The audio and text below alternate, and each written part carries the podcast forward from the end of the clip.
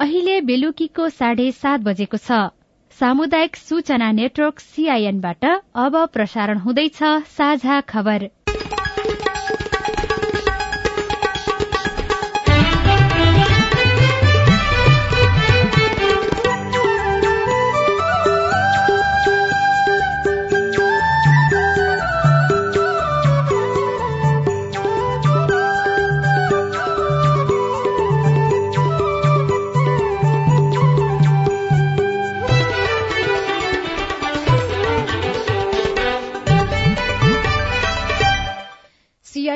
साझा खबरबाट सोभिता रिसालको नमस्कार। साझा खबर देशभरिका सामुदायिक रेडियो सीआईएन खबर डट कम र मोबाइल एप सीआईएनमा पनि सुन्न सकिन्छ।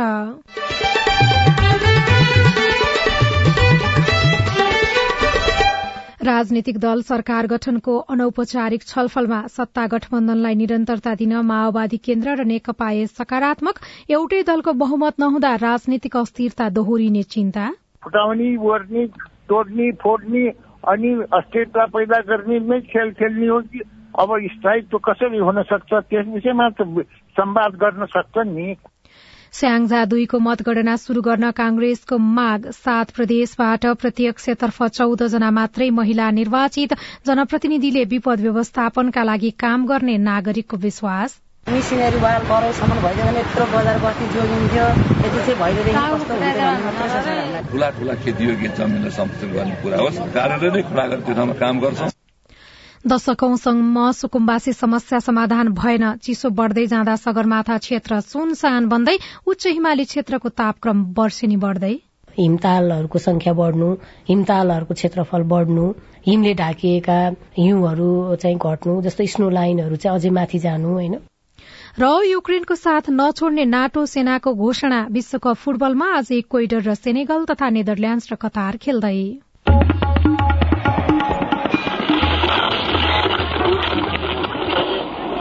रेडियो। हजारौं रेडियो कर्मी र करोड़ौं नेपालीको माझमा यो हो सामुदायिक सूचना नेटवर्क सीआईएन काठमाण्डुको बागमती किनारमा बसिरहेका नागरिक र उनीहरूलाई त्यहाँबाट हटाउने सरकारको संघर्षले फेरि एकपटक देशभरको सुकुम्बासी समस्यालाई उजागर गरेको छ। दशकौंदेखि सरकारले वास्तविक सुकुम्बासी पहिचान गर्न नसक्दा र उनीहरूको समस्या समाधान गर्ने योजना नबनाउँदा यो समस्या सधैँको टाउको दुखाई बन्दै आएको छ। वास्तविक सुकुम्बासी पहिचान गरी उनीहरूको बासको व्यवस्था गर्न सरकार गम्भीर बन्नै पर्छ। गत मंगिर चार गते भएको प्रतिनिधि सभा र प्रदेशसभा निर्वाचनको मत परिणाम सार्वजनिक भएसँगै अब राजनीतिक दलहरू सरकार गठनको प्रक्रियामा जुटेका छन्। प्रतिनिधि सभातर्फ दोलखा स्याङ्जा र बाजुरा बाहेकको प्रत्यक्षतर्फको मत परिणाम सार्वजनिक भइसकेको छ। जस अनुसार नेपाली कांग्रेसले त्रिपन्न सीट जितेको छ भने एमाले त्रिचालिस सीट जितेको छ। यस्तै माओवादी केन्द्रले सत्र सीट जितेको छ भने एकीकृत समाजवादीले दस सीट जितेको छ। राष्ट्रिय स्वतन्त्र पार्टीले सात सीट जित्दा राष्ट्रिय प्रजातन्त्र पार्टीले पनि सात सीट जितेको छ। जनता समाजवादी पार्टीले सात सीट जितेको छ भने लोसपाले चार तथा जनमत पार्टीले एक सीट जितेको छ। नागरिक उन्मुक्ति पार्टीले प्रतिनिधि सभामा चार सीट जितेको छ। समानुपातिक तर्फको मतगणना पनि अन्तिम चरणमा पुगेको छ। हालसम्म एमाले छब्बीस लाख एकाउन्न हजार मत ल्याएको छ। यो संख्या अनुसार एमाले बत्तीस सीट पाउनेछ यस्तै कांग्रेसले पच्चीस लाख सात हजार मत ल्याउँदा बत्तीस सीट ल्याउने देखिएको छ भने माओवादी केन्द्रले एघार लाख एकतीस हजार मत ल्याएको छ उसले चौध सीट प्राप्त गर्नेछ। राष्ट्रिय स्वतन्त्र पार्टीले हालसम्मको गणनामा चौध सीट ल्याउने देखिएको छ भने राप्रपाले सात र जसपाले पाँच तथा जनमत पार्टीले चार सीट ल्याउने देखिएको छ। सम्पूर्ण मतगणनाको काम सकिएपछि निर्वाचन आयोगले अन्तिम परिणाम राष्ट्रपति विद्यादेवी भण्डारीलाई बुझाउनेछ। त्यसपछि राष्ट्रपति विद्यादेवी भण्डारीले सरकार गठनको आह्वान गर्नुहुनेछ। राजनीतिक दलहरू सकेसम्म आफ्नै नेतृत्वमा सरकार बनाउने कसरतमा रहेका छन्। नेपाली कांग्रेसले आफ्नै नेतृत्वमा सरकार बनाउन चाहेको छ भने माओवादी केन्द्रले पनि गठबन्धनलाई प्राथमिकता दिने बताएको छ। सीआईएनसँग कुराकानी गर्दै माओवादी केन्द्रका नेता दीनानाथ शर्माले यसबारेमा पार्टीमा औपचारिक छलफल नभए पनि हालकै गठबन्धनलाई निरन्तरता दिने विषय प्राथमिकतामा पर्ने बताउनुभयो। सबभन्दा ठुलो दल अहिलेको चाहिँ निर्वाचनको सन्दर्भमा नेपाली काङ्ग्रेस भएको छ। नेपाली काङ्ग्रेसले सर्वप्रथम त उसको चाहिँ संसदीय दलको नेता चयन गर्ने सरकार निर्माणको लागि पहल र प्रयत्न नेपाली काङ्ग्रेसकै तर्फबाट थाल्नुपर्ने हुन्छ अहिलेको सन्दर्भमा। हामी चाहिँ सबै परिणाम पर्खेर बसेका छौँ। परिणाम आइसकेपछि हाम्रो समीक्षा हुन्छ अनि सरकारमा जाने नजाने त्यसबारेमा हामी चाहिँ प्रतिपक्षमा बस्ने कि सरकारमा जाने कि अब प्रतिपक्षमा बस्नुपर्छ भन्ने साथीहरूको राय पनि आएको छ। अहिलेको गठबन्धनलाई निरन्तरता दिने वा वाम गठबन्धन बनाउने वा प्रतिपक्षको रूपमा बस्ने भन्ने विषयमा तपाईँहरूको छलफल हुनै बाँकी छ। धेरै साथीहरूको हामी अब जनताले हामीलाई चाहिँ प्रतिपक्षमा बस भनेका छन् प्रतिपक्षमा बस्नुपर्छ कि भन्ने चाहिँ त्यस्तो किसिमको सोचाइ पनि आएको छ। सरकार बनाउनको लागि गठबन्धनबाट बाहिर भागेर फेरि अन्यत्र हिँड्दाखेरि अब त्यसको चाहिँ प्रतिक्रिया के हुन्छ भन्ने पनि छ। नेकपा एकीकृत समाजवादी पार्टीले पनि गठबन्धनलाई नै निरन्तरता दिने बताएको छ। आज पार्टी केन्द्रीय कार्यालयमा बसेको नेकपा एकीकृत समाजवादीको बैठकले वर्तमान सत्तारूढ़ गठबन्धनलाई अगाडि बढ़ाउनु पर्ने निष्कर्ष निकालेको छ। तर सीआईएनसँग कुराकानी गर्दै महासचिव बेदुराम भूषालले यसबारेमा अझै मसिनो ढंगले छलफल गर्नुपर्ने बताउनुभयो। खालि हाम्रो निर्वाचनको सामान्य प्रारम्भिक खालको समीक्षा गर्यौं त्यसपछि मतदाताहरूलाई निर्वाचनसँग सम्बद्ध सबैलाई राजनीतिक दलहरूलाई धन्यवाद दिने जितेकाहरूलाई बधाई दिने निर्णय गर्यो निर्वाचनको परिणाम आइसकेपछि राजनीतिक दलका बैठकहरू संसदीय दल गठन गर्नु पर्यो दलको नेता चिन्नु पर्यो। गठबन्धनमा त अहिले हामी गठबन्धनमै छौँ। नेकपा एमाले पनि कम्युनिष्ट पार्टीहरूलाई मिलाएर आफ्नै नेतृत्वमा सरकार बनाउन प्रयास गरिरहेको छ। आज पार्टी कार्यालयमा भएको कार्यक्रममा अध्यक्ष केपी शर्मा ओलीले निर्वाचनसित बुझ्दो तरिकाले सम्पन्न नभएको टिप्पणी गर्दै अब आफ्नै नेतृत्वमा सरकार बनाउने चाहना व्यक्त गर्नुभयो। यसअघि एमाले अध्यक्ष ओलीले माओवादी केन्द्रका अध्यक्ष पुष्पकमल दाहाल प्रचण्डलाई फोन गरेर मिलेर अघि बढ़न आग्रह गर्नुभएको थियो जसलाई अर्थपूर्ण तवरले हेरिएको छ। संसदमा कसैको पनि बहुमत नपुग्ने र दुई भन्दा बढ़ी दल मिल्नुपर्ने अवस्थाका कारण सरकार बनाउन र टिकाउन समस्या हुने देखिएको छ। सुविधाजनक बहुमतमा दलहरू नहुँदा सरकार निर्माणमा पर्ने प्रभाव र निर्वाचनको सन्देशका बारेमा हामीले विश्लेषक निलाम्बर आचार्यसँग कुराकानी गरेका छौं। अहिलेको निर्वाचन परिणामले के देखाउँदैछ भने मुलुकमा नेपाली कांग्रेस र एमाले दुईटा पार्टीलाई नै जनताले फेरि पनि पत्याएका छन्। त्यसैले यी दुईटा पार्टीले आफूमाथि देशको भविष्यबारे आइपरेको जिम्मेवारीलाई राम्ररी बुझ्नु पर्यो। सरकार बनाउनेमा अथवा नीति निर्माणमा कि कसरी बुझ्ने? यी दुईटा पार्टी झगडा गरिराखेर आपसमा आफूलाई जोगाउन नै चाहिने सरकारमा रहेको पार्टीले समय बिताउने भए विपक्षी पार्टीले सरकारमा रहेको पार्टीलाई चाहिने खसाउनमै समय बिताउने भए भनेपछि चाहिने अर्को पाँच वर्ष पनि खेर जान्छ। चुनावको बेलामा सरकारमा रहेको गठबन्धन र बाहिर रहेका दलहरूको गठबन्धनको स्थिति हेर्ने हो भने त कांग्रेस र एमालेको बीचमा सहकार्य होला त? सहकार्य त हुनै पर्छ। सरकार बन्ला नबन्ला समझदारी त हुनु पर्यो। मुलुकलाई कसरी स्थायित्व दिने? अन्य दैनिक प्रशासनमा चाहिने हुन् विरोध होला एउटा पक्षमा होला एउटा विपक्षमा होला तर यी दुईटा पार्टीका बीच चाहिँ समझदारी भएन भने त मुलुकले फेरि पनि दुःख पाउँछ। राष्ट्रियताको विषयमा त अब सरकारभित्र बाहिर रहे पनि दलहरूको बीचमा सहमति होला तर सरकारमा नपुगी दलहरूको बीचमा कसरी कुरा मिल्न सक्छ? फुटाउने ओर्ने तोड्ने फोड्ने अनि अस्थिरता पैदा गर्ने नै खेल खेल्ने हो कि अब स्थायित्व कसरी हुन सक्छ त्यस विषयमा त संवाद गर्न सक्छन् नि? शान्ति सुरक्षाको स्थिति कसरी गर्ने भन्ने मात्रै कुरा होइन मुलुक अनि एउटा चाहिने प्रणालीको स्थायित्व हुनु पर्यो। सरकारलाई पनि चाहिने पाँच वर्षसम्म चाहिने मैले यो सरकार चलाउँछु। भन्ने स्थायित्व हुनु पर्यो। दुई हजार एकाउन्न साल त्यस आसपासमा बहुमत कसैको पनि नपुग्दाखेरि दलहरूको बीचमा सांसद किनबेचदेखि अनेक त्यहाँ चलखेल भएको अहिले पनि पढ्न सुन्न पाइन्छ। त्यस्तो स्थिति अब आउँछ भनेर कतिपयले भन्छन्। त्यो आउँछ कि आउँदैन? दुई हजार एकाउन्नमा चाहिने अर्कै प्रणाली थियो अहिले अर्कै प्रणाली छ। यहाँसम्म कि दुई हजार चौहत्तरको निर्वाचनमा चाहिने अर्कै वातावरण थियो। अहिले दुई हजार उनासीको निर्वाचनमा हामीले अर्कै वातावरण देख्छौँ। त्यस कारण एउटै हुन्छ भनेर भन्ने छैन। अहिले चाहिने के भन्दाखेरि पार्टीहरूले आफूले चाहिने मन परी गर्न सक्ने स्थिति छैन। स्याङ्जा दुईको मतगणना शुरू गर्न माग गर्दै कांग्रेसका नेताहरूले निर्वाचन आयोगको ध्यान आकर्षण गराएका छन्। कांग्रेस उम्मेद्वार तथा पार्टी उपसभापति धनराज गुरूङ नेताद्वय रामचन्द्र पौडेल र प्रदीप पौडेल निर्वाचन आयोग पुगेर अविलम्ब मतगणना शुरू गर्न माग गरेका हुन्। चापाकोट नगरपालिका अन्तर्गत रहेका चार बुथमा कांग्रेसले धाँधली गरेको भन्दै अन्य दलले पुनः मतदानको माग गरेका छनृ। प्रदेशसभाको निर्वाचनमा हालसम्म सात प्रदेशबाट चौधजना महिला निर्वाचित भएका छन्। निर्वाचन आयोगका अनुसार प्रदेश एकबाट नेकपा एकीकृत समाजवादीका खिनु लुम्बा लिम्बू र राष्ट्रिय प्रजातन्त्र पार्टीका सबिना बजगाई निर्वाचित हुनुभएको छ। मध्य प्रदेशमा लोकतान्त्रिक समाजवादी पार्टी नेपालका रानी कुमारी तिवारी र नेकपा एकीकृत समाजवादीबाट बेची लुङ्गेली निर्वाचित हुनुभएको छ। बागमती प्रदेशका छैसठी निर्वाचन क्षेत्रबाट हालसम्म नेपाली कांग्रेस र माओवादी केन्द्रबाट दुई दुईजना र एकीकृत समाजवादीका एक उम्मेद्वार गरी पाँचजना विजयी भएका छन्। गण्डकी प्रदेशसभाबाट दुई महिला निर्वाचित हुँदा लुम्बिनी प्रदेशसभामा हालसम्म एकजना महिला उम्मेद्वार विजयी हुनुभएको छ। कर्णाली र सुदूरपश्चिम प्रदेशमा भने हालसम्म महिला उम्मेद्वार विजयी भएका छैनन्। सुनसरी क्षेत्र नम्बर तीनबाट प्रतिनिधि सभा सदस्यमा एमालेका भगवती चौधरी विजय हुनुभएको छ। नेपाली कांग्रेसका नेता विजय कुमार गच्छदारलाई पराजित गर्दै चौधरी निर्वाचित हुनुभएको हो। चौधरी यसअघिका दुईवटा निर्वाचनमा गच्छदारसँग थोरै मतान्तरले पराजित हुनुभएको थियो। गच्छदार यसअघि निरन्तर छ पटक सांसद बन्नुभएको थियो। चौधरी पाँच हजार भन्दा बढ़ी मतले विजयी हुनुभएको र यसको औपचारिक घोषणा भने केही बेरमा मात्र हुने निर्वाचन कार्यालयले जनाएको छ। उच्च हिमाली भूभागको तापक्रम बढ़दै गएको जल तथा मौसम विज्ञान विभागले जनाएको छ। विभागले सन् उन्नाइस सय एकहत्तरदेखि दुई हजार चौधसम्मको अवधिलाई मानेर सन् दुई हजार सत्रमा सार्वजनिक गरेको एउटा प्रतिवेदनले विशेष गरी उच्च हिमाली क्षेत्रको तापक्रम बढ़िरहेको देखाएको हो।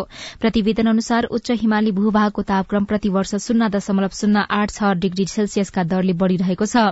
त्यस्तै उच्च पहाड़मा प्रतिवर्ष शून्य दशमलव शून्य छ आठ डिग्री सेल्सियसका दरले तापक्रम बढ़िरहेको छ। विभागका हावापानी विश्लेषण शाखा प्रमुख वरिष्ठ मौसमविद डाक्टर इन्दिरा कडेलका अनुसार नेपालको तराई भूभागमा भने तापक्रम उल्लेख्य रूपमा बढ़ेको छैन। सीआईएनसँग कुराकानी गर्नुहुँदै वरिष्ठ मौसमविद कडेलले तराई क्षेत्रमा प्रतिवर्ष शून्य दशमलव शून्य चार चार डिग्री सेल्सियसका दरले तापक्रम वृद्धि भइरहेको जानकारी दिनुभयो। तराईका केही जिल्लाहरूमा चाहिँ घट्दो क्रममा देखिएको छ होइन? त्यो बाहेक नेपालका अधिकांश स्थानहरूमा वार्षिक अधिकतम तापक्रम चाहिँ बढ़ेको देखिन्छ। नेपालको औसत तापक्रम वृद्धि दर चाहिँ zero point zero five six degree per year भनिराख्दाखेरि उच्च हिमाली भूभागको चाहिँ zero point zero eight six centigrade per year भनिराख्दाखेरि नेपालको औसत भन्दा त्यहाँ बढ़ी छ।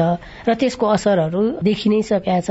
हिमतालहरूको संख्या बढ्नु हिमतालहरूको क्षेत्रफल बढ्नु हिमले ढाकिएका हिउँहरू चाहिँ घट्नु जस्तै स्नो लाइनहरू चाहिँ अझै माथि जानु होइन? पहिला हाम्रो पैंतिस सयको हाराहारीमा भनेको अहिले पैंतालिस अथवा त्योभन्दा नि माथि गइसक्यो भन्ने प्रतिवेदनहरू हामीले देख्न सक्छौं। जल तथा मौसम विज्ञान विभागका अनुसार नेपालको वार्षिक औसत अधिकतम तापक्रम शून्य दशमलव शून्य पाँच छ डिग्री सेल्सियसका दरले वृद्धि भइरहेको छ। विभागले सन् उन्नाइस सय एकासीदेखि दुई हजार बीससम्मको अवधिलाई मानेर अर्को प्रतिवेदन सार्वजनिक गर्ने तयारी समेत गरिरहेको छ। साझा खबरमा अब विदेशका खबर। विश्व स्वास्थ्य संगठनले कतार सहित खाड़ी मुलुकमा क्यामल फ्लू फैलन सक्ने चेतावनी दिएको छ। बेलायती पत्रिका न्यू माइक्रोब्स एण्ड न्यू इन्फेक्शन्समा प्रकाशित एक अध्ययनका अनुसार ऊँटमा देखिने क्यामल फ्लूको संक्रमण कतारमा भइरहेको विश्वकपबाट फैलिन सक्नेछ। जसबाट बाह्र लाख मानिस प्रभावित हुन सक्ने आंकलन सहितको चेतावनी दिइएको छ। विशेष गरी चिसो मौसममा खाड़ी मुलुकमा देखिने यो रोग यसअघि सन् दुई हजार बाह्रमा साउदी अरबमा फेला परेको थियो। पश्चिमी मुलुकहरूको सैन्य संगठन नाटोले युक्रेनको साथ कहिल्यै नछोड्ने बताएको छ। नाटोका प्रमुख जेन्स स्टोल्टेनबर्गले रूससँग जारी युद्धको क्रममा युक्रेनलाई हरेक प्रकारको सहयोग गर्ने र उसको साथ कहिल्यै नछोड्ने बताउनुभयो। विश्वकप फुटबल विश्वकप फुटबलमा आज राति चारवटा खेल हुँदैछन्। राति पाउने नौ बजेपछि शुरू हुने खेलमा समूह एकको इक्वेडर र सेनेगल तथा नेदरल्याण्ड्स र कतार खेल्नेछन्। यस्तै मध्यराति पाउने एक बजेपछि इरान र अमेरिका तथा वेल्स र इंग्ल्याण्ड बीचको खेल शुरू हुनेछ। यी खेलबाट अन्तिम सोह्रमा पुग्ने समूह ए र बी का चार टोलीको टुंगो लाग्नेछ।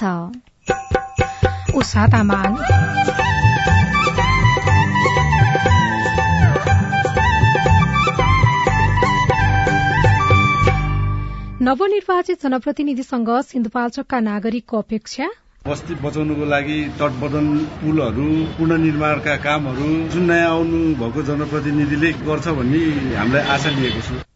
विपद व्यवस्थापनमा भूमिका खेल्ने विश्वास रिपोर्ट। देशभरिका सुकुम्बासी तथा भूमिहीनको समस्या कसरी समाधान होला? लगायतका सामग्री बाँकी नै छ। सीआईएनको साझा खबर सुन्दै गर्नुहोला। बीएससी फरेस्टीमा भर्ना फारम भर्ने म्याद बढ़ाइएको सूचना।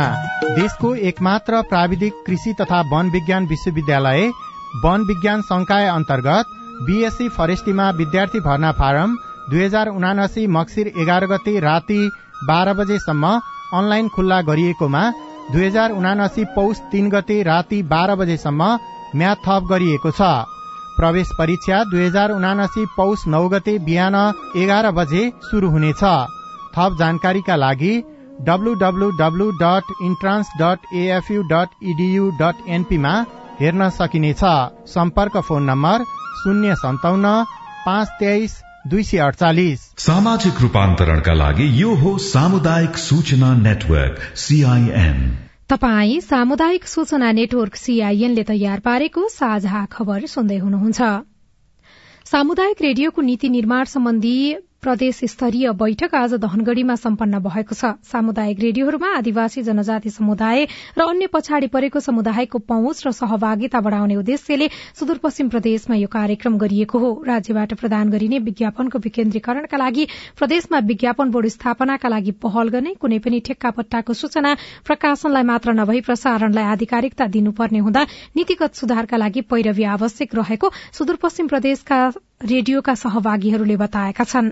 सामुदायिक रेडियो प्रसारक संघका सुदूरपश्चिम प्रदेश सचिव अमरराज भट्टराईले रेडियोहरूका कार्यकारी कार्य समिति तथा व्यवस्थापनले संचार सम्बन्धी पर्याप्त तालिम अवलम्बन भ्रमण गरी थप अनुभव लिई सामुदायिक रेडियोको पेशागत मर्यादा तथा सैद्धान्तिक ज्ञानको अवलम्बन गर्नुपर्ने आवश्यकता ल्याउनुभयो यस्तै विभिन्न क्षेत्रमा आबद्ध भएका विज्ञहरूले समावेशिताका आधारमा सामुदायिक रेडियोले नीति निर्माण गर्नुपर्नेमा जोड़ दिएका छन्।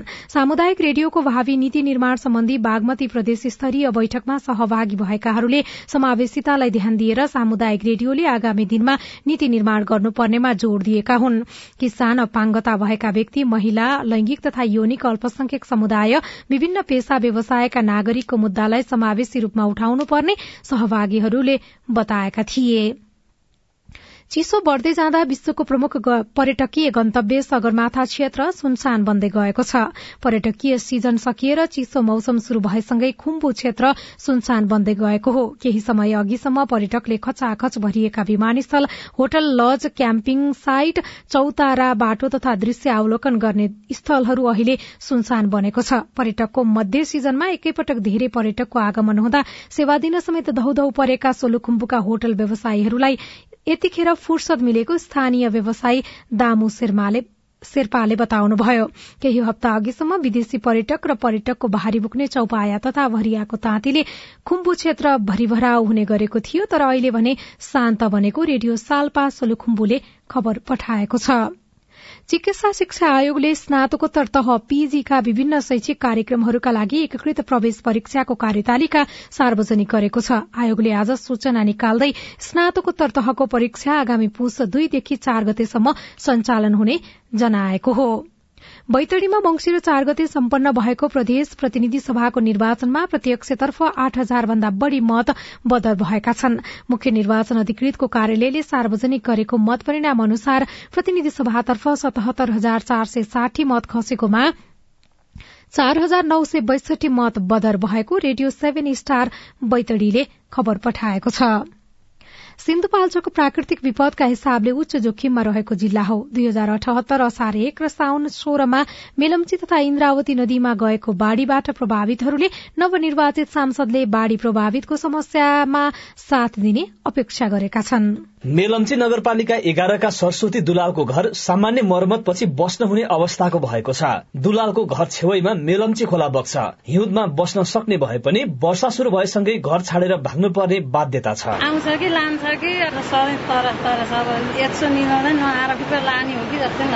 गत वर्ष गएको बाढ़ी र पहिरोका कारण हेलम्बु मेलम्ची र पाँच पोखरीमा छब्बीस जनाको मृत्यु भएको थियो भने पाँच सय एकाउन्न घर बगाएको थियो। बाढ़ीकै कारण करोड़ौंको धन सम्पत्ति नष्ट भयो। राष्ट्रिय गौरवको मेलम्ची खानेपानी आयोजनासँगै सात झुलुङ्गी पुल नौ पक्की पुल र तेत्तीस सार्वजनिक संरचना ध्वस्त भयो। सिन्धुपाल्चोकवासी अब भने मेलम्ची नदी व्यवस्थापनको दीर्घकालीन उपाय चाहन्छन्। त्यसका लागि उनीहरूको अपेक्षा जनप्रतिनिधिसँग छ।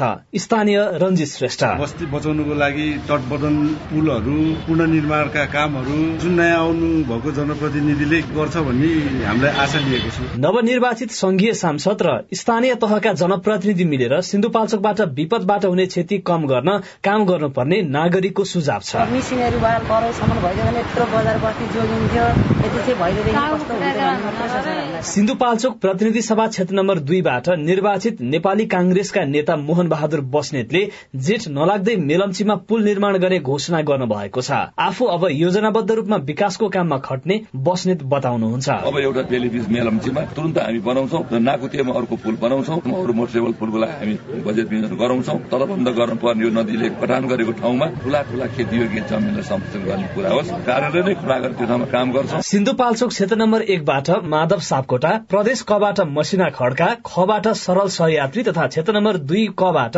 युवराज दुलाल प्रदेश सभा खबाट कृष्ण कुमार तामाङ विजय हुनुभएको छ।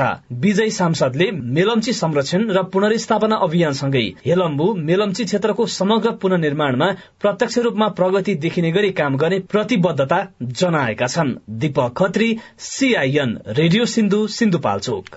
तपाई सामुदायिक सूचना नेटवर्क सीआईएनले काठमाण्डुमा तयार पारेको साझा खबर सुनिरहनु भएको छ। देशभर तेह्र लाख भूमिहीन तथा सुकुम्बासी छन्।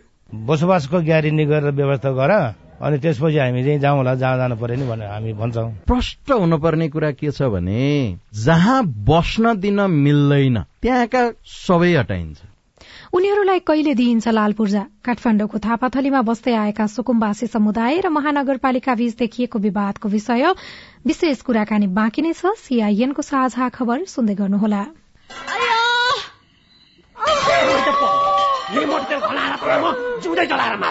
ए बुढा बुढा लौन नि त्यो माइलाले त मार्ने भयो त माइलीलाई। मटी त पो खनाउँदैछ त। लौन नि। झट्टै पुलिस बोलाइदिनु त। हो त पुलिसलाई खबर नगरी भएन। यसले त अति नै गर्न लाग्यो। एक शून्य शून्य। Hello police station? न तपाईँहरू झट्टै यो जिल्ला अस्पताल लिएर आइदिनु पर्यो।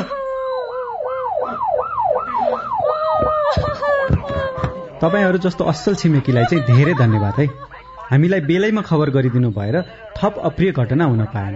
यसरी अग्निजन्य हिंसा महिला हिंसा गर्नेलाई त कानून बमोजिम दण्ड सजाय हुन्छ। ल यसलाई लिएर हिँड्नुहोस् त।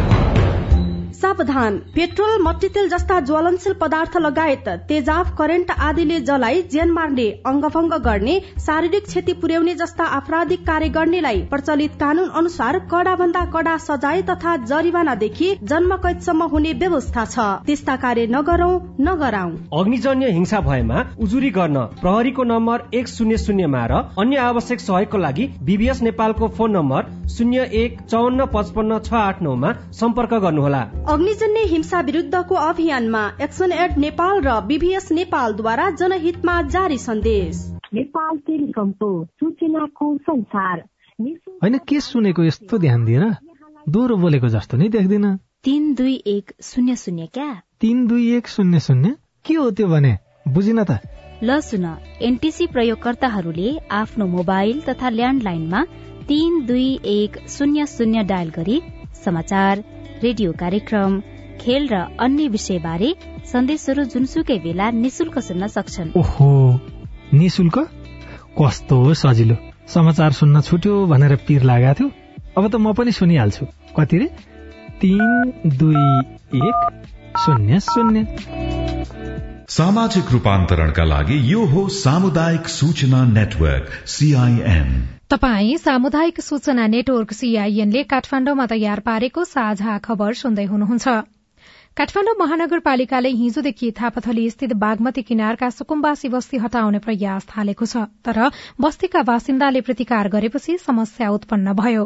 कतिपयले महानगरको यो कदमलाई राम्रो भनेका छन् भने कतिले उचित व्यवस्थापन नगरी बस्तीमा डोजर चलाउन खोजेको भन्दै आलोचना पनि गरेका छन्।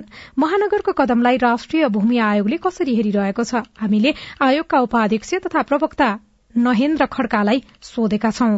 पहिलो कुरा त हामी आश्चर्यचकित छौं एकाएक यो कुरा किन भयो? लगत संकलन गर्ने प्रमाणीकरण गर्ने जसलाई जमिन त्यहाँ दिन सकिन्छ उहाँहरूलाई त्यही जमिन दिने जमिन दिनुपर्ने त्यहाँ दिन नसकिनेहरूका हकमा भनेको भूमिहीन दलित र भूमिहीन सुकुम्बासीहरू जसको देशभर कहीँ कतै लाल पूर्जा छैन उहाँहरूलाई अर्को ठाउँमा उहाँहरूको सहमतिमा स्थानान्तरण गर्ने र दिन नमिल्नेहरू र दिन नपर्नेहरूलाई चाहिँ त्यसपछि कानून अनुसार चाहिँ गर्ने हुनुपर्नेमा एकाएक सुकुम्बासी बस्तीमा डोजर लिएर जाने कुरा गलत छ। समन्वयको अभाव पनि भएको छैन। अहिले त झन् सम्झौता भएको बेला यस्तो हुनुले हामीलाई आश्चर्यचकित बनाएको छ दुखित पनि बनाएको छ। एउटा कुरा तपाईँहरूलाई सधैँभरि लाग्ने आक्षेप भनेको चाहिँ राष्ट्रिय भूमि आयोग यो चाहिँ राजनैतिक नियुक्तिबाट आउने मान्छेहरू त्यहाँ हुन्छन् र हरेक पटक नयाँ लगत संकलन गर्ने नयाँ विवरण अध्यावधि गर्ने नाममा चाहिँ सुकुम्बासीको नाममा राजनीति भइराखेको हुन्छ। त्यसकारण पनि काठमाडौँ महानगरपालिकाले विश्वास गरेन र डोजर चलायो भन्नेहरू पनि छन्। के भन्नुहुन्छ? यो कुरा त गलत कुरा हो। जबकि लगत संकलन गर्ने अधिकारै उहाँहरूलाई दिइएको छ प्रमाणीकरण गर्ने अधिकार नै उहाँहरूलाई दिएको छ प्रमाणीकरणमा उजुर बाजुर गर्ने अधिकार दिएको छ उजुर बाजुर गर्ने त्यसलाई निरूपण गर्नका लागि वडा स्तरीय सहजीकरण समिति छ जहाँ चाहिँ वडा अध्यक्ष र वडा सदस्यहरू हुनुहुन्छ। सबै राष्ट्रिय मान्यता प्राप्त राजनैतिक दलको एक एकजना प्रतिनिधि हुनुहुन्छ। सत्तापक्ष पनि विपक्ष पनि सबै। र किसान र सुकुम्बासीहरूका प्रतिनिधि पनि हुनुहुन्छ। त्यसैले यहाँ राजनीतिकरण हुने पार्टीकरण हुने भोटको राजनीति हुने सम्भावना अहिले छैन। मान्छेहरूले अर्को पनि प्रश्न गर्छन् के भनेर भन्दा सुकुम्बासीको नाममा हुकुम्बासीहरूको चाहिँ बसोबास भयो। नदी किनारहरू ओगटेर बसियो सभ्यतालाई चाहिँ नाच्न खोजियो भन्नेहरू पनि छ विरोधीहरूले लगाउने कुरा हो र अहिले आयोगले कसरी काम गरिरहेको छ हाम्रा कानूनी व्यवस्थाहरू के छन् भन्ने कुरा थाहा नपाएका मानिसहरूले गर्ने कुरा हो। म आफैले पनि काठमाडौँ उपत्यकाभित्रको बागमती किनारका सुकुम्बासी बस्तीहरू चहारेको छु। त्यहाँ कस्ता कस्ता कुराहरू छन् भने टहराहरू बनाइएका छन् र बाहिरबाट मान्छेहरूलाई बस्नको लागि भनेर भाडामा लगाइएका छन्। थुप्रै त्यस्ता म भन्न सक्छु दिन सक्छु तपाईँलाई ती ठाउँहरूमा पुर्याउन पनि सक्छु। सुकुम्बासी बस्तीहरूमा हुकुम्बासी भनेर पटक पटक ज जसको नाम लिइन्छ। ती मान्छेहरू छन् या छैनन्? तपाईँहरू के विश्वास गर्नुहुन्छ? प्रष्ट हुनुपर्ने कुरा के छ भने जस्तै जहाँ बस्न दिन मिल्दैन त्यहाँका सबै हटाइन्छ। अहिलेसम्म त्यो त छन्। हामीले काम गर्नै बाँकी छ नि त। तपाईँलाई म केही प्रश्नहरू सुनाउँछु। काठमाडौँकै सुकुम्बासी बस्तीका प्रश्नहरू छन्। ठिक छ। मेरो चन्द्रबहादुर लामा चालिस बयालिस जिल्लाको मानिस छ यहाँ। सबै एउटै परिवार जस्तो भएर भइरहेको छन्। अनि हामीले चाहिँ अब हाम्रो चाहिँ बसोबासको ग्यारेन्टी गरेर व्यवस्था गर अनि त्यसपछि हामी चाहिँ जाउँला जहाँ जानु पर्यो नि भनेर हामी भन्छौँ। उहाँहरूले अहिलेसम्म व्यवस्थापन गर्न सकेका छैन। जाने ठाउँ नभएको कारणले अहिलेसम्म पनि सङ्घर्ष गरेरै बसिरहेछौँ सुकुमाया तामाङ हामीलाई त अरू केही छैन होइन? एउटा व्यवस्था गरिदिए भने राम्रो हुन्थ्यो के? अब चाको नारायण थान बनाएको छ अरे त्यो छाप्राहरू त्यो छाप्राहरू बनाएर के त्यहाँको बासिन्दाले बस्न दिनु पर्यो नि। गरिब दुखीलाई अलि हेर्ने होइन अनि अब हामी त कमाएर खाने मान्छेले त कमाउने ठाउँ पनि हुनु पर्यो नि। वास्तविक सुकुम्बासीको आवाज हो यो चाहिँ। उनीहरू प्रष्ट पनि छैनन्। कहाँ हाम्रो लागि भवन बनेको छ भन्ने पनि थाहा छैन जाने कहाँ हो भन्ने पनि थाहा छैन कसरी गुजारा गर्ने भन्ने भन्ने पनि थाहा छैन। मैले अघि भने अनुसार नै जनतालाई कन्भिन्स गरेपछि जनतालाई निवेदन हाल्न दिएर प्रमाणीकरण दिएर तपाईँ यो कारणले फलानु यहाँ बस्न पाउनुभयो यो कारण तपाईँहरू यहाँ बस्न पाउनु भएन त्यसैले तपाईँहरूलाई यो यो ठाउँहरू छ सम्भाव्यता कहाँ जानुहुन्छ कसरी जानुहुन्छ जनतालाई नै सहमति गरेर ऐनले पनि त्यही भन्छ जनता समेतको सहमतिमा भन्ने छ ऐनमा। त्यो गर्यो भने जनता जान तयार छन्। त्यो कुरा त जनताले भने नि त। हामीले यही नै कुरा भनिरहेका छौं। अहिले भइरहेको के हो? भने महानगरले लगत लिने कुरा नगर्ने प्रमाणीकरण गर्ने कुरा नगर्ने कलाई जग्गा दिन मिल्ने हो पर्ने हो नपर्ने हो त्यो पनि नहेर्ने। सिधै डोजर लिएर सबैलाई अनुमानका आधारमा यहाँ बस्नेलाई जग्गा दिन पर्दैन होला। यी सबै हुकुमवासी होलान् यिनका सबै छोराछोरी जापान अमेरिका होलान् भनेर डोजर लिएर जानुभयो उहाँहरू जनताले प्रतिरोध गरे। पहिला लगत संकलनको काम गर्नुहोस् प्रमाणीकरण गर्नुहोस् जसलाई त्यही दिन मिल्छ त्यही दिउँ। जसलाई त्यहाँ दिन मिल्दैन तीमध्येका भूमिन दलित भूमिन सुकुम्बासीहरू उनीहरूलाई अन्त कहाँ सार्न मिल्छ व्यवस्थापन गरौं। अव्यवस्थित बसोबासीहरू जसलाई तपाईँहरू हुकुमवासी भन्नुहुन्छ जसलाई त्यहाँ दिन मिल्दैन। उनीहरूलाई त्यहाँबाट एउटा सहमतिका आधारमा हटाउँ। सकियो। अर्को सरकार बन्दै गर्दाखेरि तपाईँहरूकै राष्ट्रिय भूमि आयोगकै अवधि कति हुन्छ अथवा तपाईँहरू विघटित पो हुनुहुन्छ कि अर्को आयोग पो बन्छ कि भन्ने संशय छ? तपाईँहरूले गरेको काम चाहिँ वैधानिक हुन्छ भन्ने कुराको ग्यारेन्टी कसरी लिन सकिन्छ? पहिलो हामीले यो देशको ऐन नियम कानून अनुसार सबै काम गरेका छौं र त्यो चिजहरू वैधानिक छ। गठबन्धन सरकार बनेन नयाँ सरकार बन्ने भयो भने त्यो नयाँ सरकारले तपाईँहरूले राम्रो काम गर्नुभएको छ गरिराख्नुहोस् भन्यो भने यही आयोग निरन्तरतामा जान्छ। विघटन भयो भने अब हाम्रो विश्वास के छ भने अहिलेसम्म जो तेह्र लाख निवेदनहरू संकलन भएका छन् छ लाख एकासी हजार झण्डै सात लाख निवेदनहरू अहिलेसम्मको हिसाबले कम्प्युटराइज भएका छन् नापिनिस्सा भएको छ जग्गा नाप जाँच भएको छ नक्सा बनेको छ त्यसलाई लत्याएर हिँड्न सक्ने अवस्था छैन। राजनीतिक दल सरकार गठनको अनौपचारिक छलफलमा जुटेका छन्। सत्ता गठबन्धनलाई निरन्तरता दिन माओवादी र नेकपा यस सकारात्मक देखिएका छन्। एउटै दलको बहुमत नहुँदा राजनीतिक अस्थिरता दोहोरिने चिन्ता पनि बढ़ेको छ। स्याङजा दुईको मतगणना शुरू गर्न कांग्रेसले माग गरेको छ। सात प्रदेशबाट प्रदेश सभामा प्रत्यक्षतर्फ चौध जना मात्रै महिला निर्वाचित भएका छन्। जनप्रतिनिधिले विपद व्यवस्थापनमा काम गर्ने नागरिकले विश्वास व्यक्त गरेका छन्। दशकौंसम्म सुकुम्बासी समस्या समाधान भएको छैन। चिसो बढ़दै जाँदा सगरमाथा क्षेत्र सुनसान बन्दै गएको छ। उच्च हिमाली क्षेत्रको तापक्रम वर्षेनी बढ़दैछ। र विश्वकप फुटबलमा आज इक्वेटर र सेनेगल तथा नेदरल्याण्ड र कतार खेल्दैछन्। आजलाई साझा खबरको समय सकियो। प्राविधिक साथी सुरेन्द्र सिंहलाई धन्यवाद।